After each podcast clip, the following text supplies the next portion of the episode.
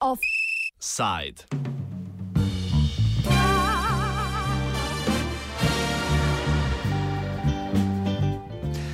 Znova se vračamo k problematiki odpadne embalaže. Tematika se zelo pogosto pojavlja kot predmet razprave tako na nacionalni kot na širši ravni Evropske unije.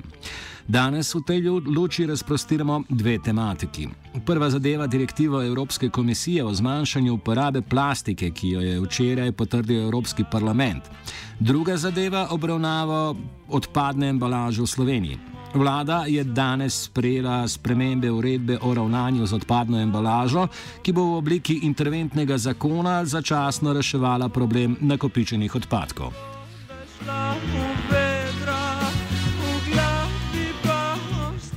Začenjamo z včerajšnjim sprejetjem direktive o zmanjšanju uporabe plastike strani Evropskega parlamenta. Direktiva zadeva prepoved določenih tipov plastičnih izdelkov, ki so vezani na vsakdanjo uporabo. Odločitev je utemeljena predvsem na raziskavah, ki potrjujejo, da je okrog 70 odstotkov celotnih plastičnih odpadkov, ki onesnažujejo svetovne vode, prav plastičnih izdelkov namenjenih za vsakdanjo rabo. Pri tem lahko dodamo, da se okvirne ocene količine plastičnih odpadkov v oceanih gibajo okrog 150 milijonov ton plavajoče in postopno razpadajoče plastike v oceanih. Z vsakim letom naj bi, sodeč po ocenah Svetovnega ekonomskega foruma, v svetovne vode odvrgli dodatnih 13 milijonov ton plastičnih odpadkov.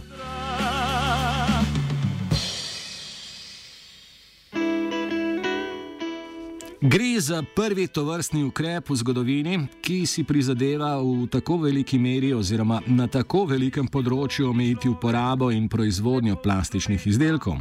Več o postopku sprejema direktive nam pove naš sodelavec in trenutni dopisnik iz Štrasbura, Gal Krizmanič. Včeraj je Evropski parlament sprejel uh, direktivo za zmanjšanje vpliva uh, plastike na okolje.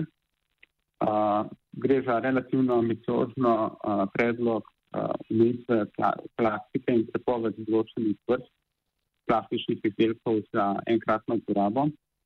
Predlog je imel v parlamentu relativno široko podporo. Za njega je glasovalo 571 poslancev, proti pa jih je bilo le 53.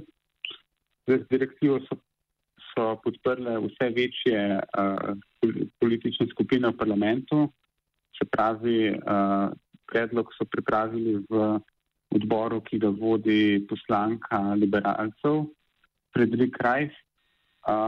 Potem so pa predlog podprli tudi v vse večjih uh, poslanskih skupinah. Um, to pa še vedno ne pomeni, da bo ta direktiva v taki obliki sprejeta, sprejeta ker um, predlog čaka še pogajanje z državami članicami v Evropskem svetu uh, in z komisijo, ki pa slednja pa sicer predlog že podprla. Kot že izpostavi Krizmenič, je glede na to, da predlog občutno posega v področje proizvodnje in uporabe plastičnih izdelkov, zanimivo, da so le tega podprle vse večje poslanske skupine. Ukolikor bo direktiva sprejeta tudi na ravni sveta Evropske unije, lahko pričakujemo dokaj hitro realizacijo nove zakonodaje. Ta bi sodeč po trenutnih načrtih stopila v veljavo že z letom 2021. Ban, ban. Več o tem, kakšne izdelke bi v primeru realizacije zadevala direktiva, pove predsednica Društva Ekologi brez meja Urša Zgojznik, ki opozarja, da direktiva ne posega v področje uporabe lahkih plastičnih vrečk.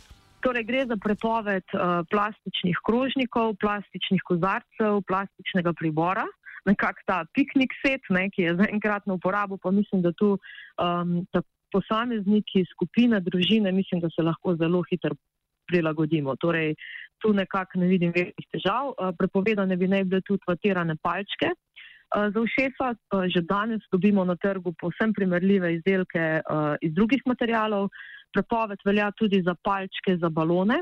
Tu je bila razprava precej burna ne, in so se nekatere skupine um, predvsej ukvarjali s tem, da prepovedujemo zabavo otrokom, ampak enostavno ne gre za to. Pri balonih bi sicer ne veljala neka omejitev, ampak prepoved velja samo za te nepotrebne palčke, ki jih pa tudi zelo velikrat že nadomeščajo lesene ali pa pač palčk ne potrebujemo. Uh, za nekatere druge izdelke se pa upeljujejo recimo uh, novi cilji, tudi zato, ker najbrž smo se o tem premalo pogovarjali, tudi o alternativah. Uh, tu so recimo um, ta coffee to go uh, kozarci oziroma lončki. Recimo za plastenke se uveljavlja cilj, da moramo dobiti 90 odstotkov plastenk za pijače nazaj. Um, to elegantno rešujejo vsi kavcijski sistemi, ki so že trenutno delujoči, uh, sicer pa pač je potreben razmislek o tem, da se jih uvedeno. Uh, nekako grobe mislim, da so to tiste glavne. Uh, so pa recimo izuzete lahke plastične vrečke, kar je po svoje škoda. Po drugi strani pa tudi eh, nič hudega, no, ker se s temi vrečkami pa smo res tako v Sloveniji kot tudi drugod po moje najprej začeli ukvarjati in so zelo verjetno že v nekih drugih zakonodajnih uh, ukrepih, tako da nekje so zajete. Poleg enostavno izpostavljenega piknik seta, direktiva v prepoved vključuje še cigaretne filtre, ki vsebujejo plastične delce. V širši perspektivi direktiva nakazuje tudi prepoved izdelkov iz oksoplastike in določenih tipov polistirenov.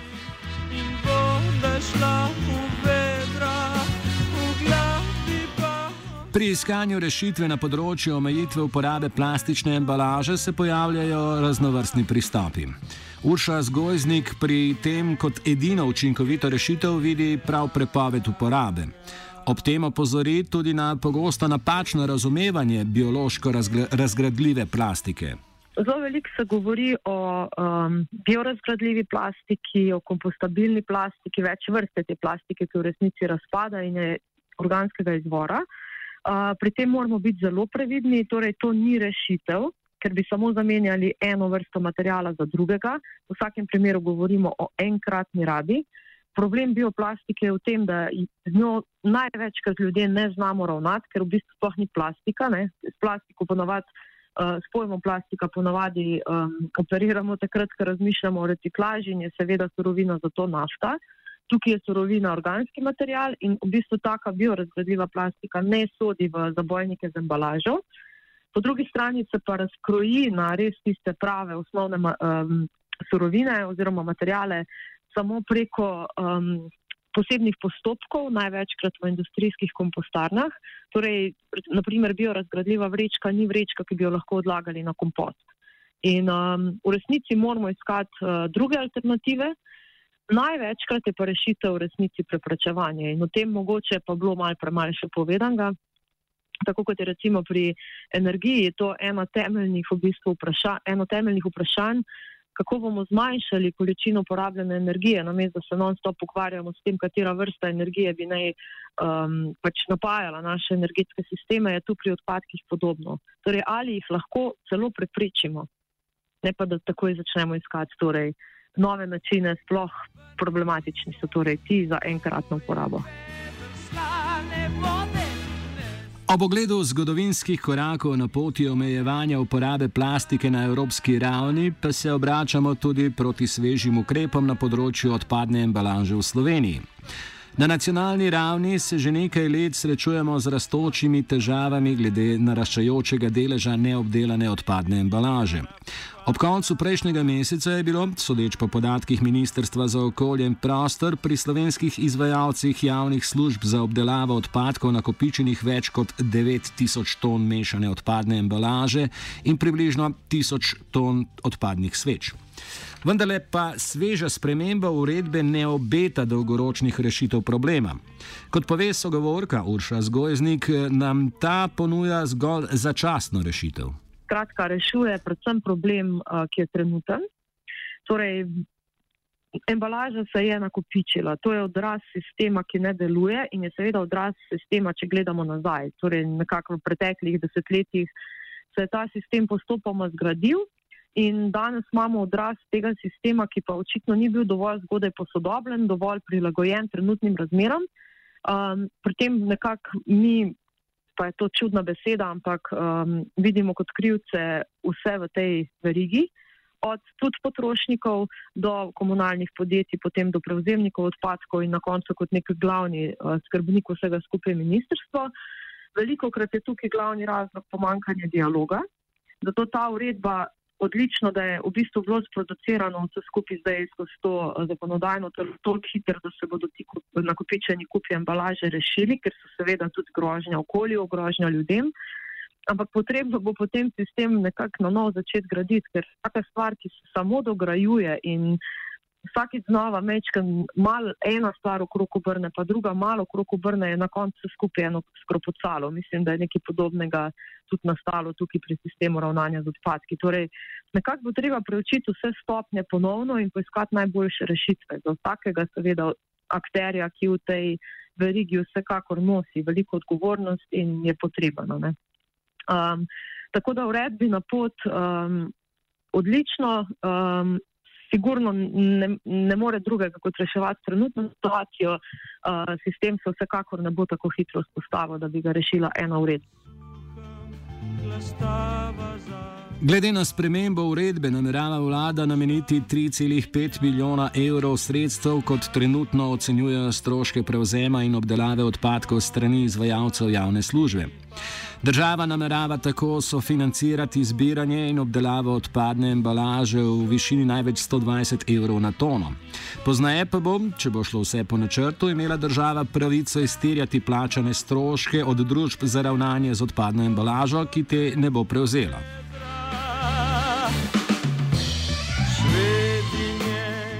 Da družbe za zbiranje in obdelavo odpadne embalaže nočejo prevzemati odpadne embalaže, ni novost. Gre za težavo, ki lahko pričamo že daljše obdobje. Jedro problema leži v nelicencirani embalaži. S tem mislimo na embalažo podjetij, ki jim ni potrebno odvajati dodatnega davka na količino proizvedene embalaže.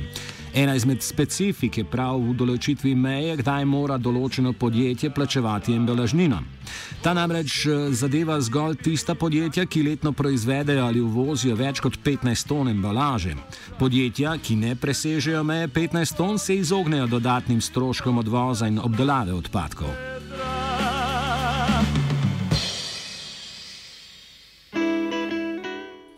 To pa v prvi vrsti nakazuje dve težavi. Prva tiči v tem, da se zgolj šest družb za ravnanje z odpadno embalažo, to so Slopak, Recikl, Interseroh, Embakom, Surovina ter Dinos, financira z embalažnino.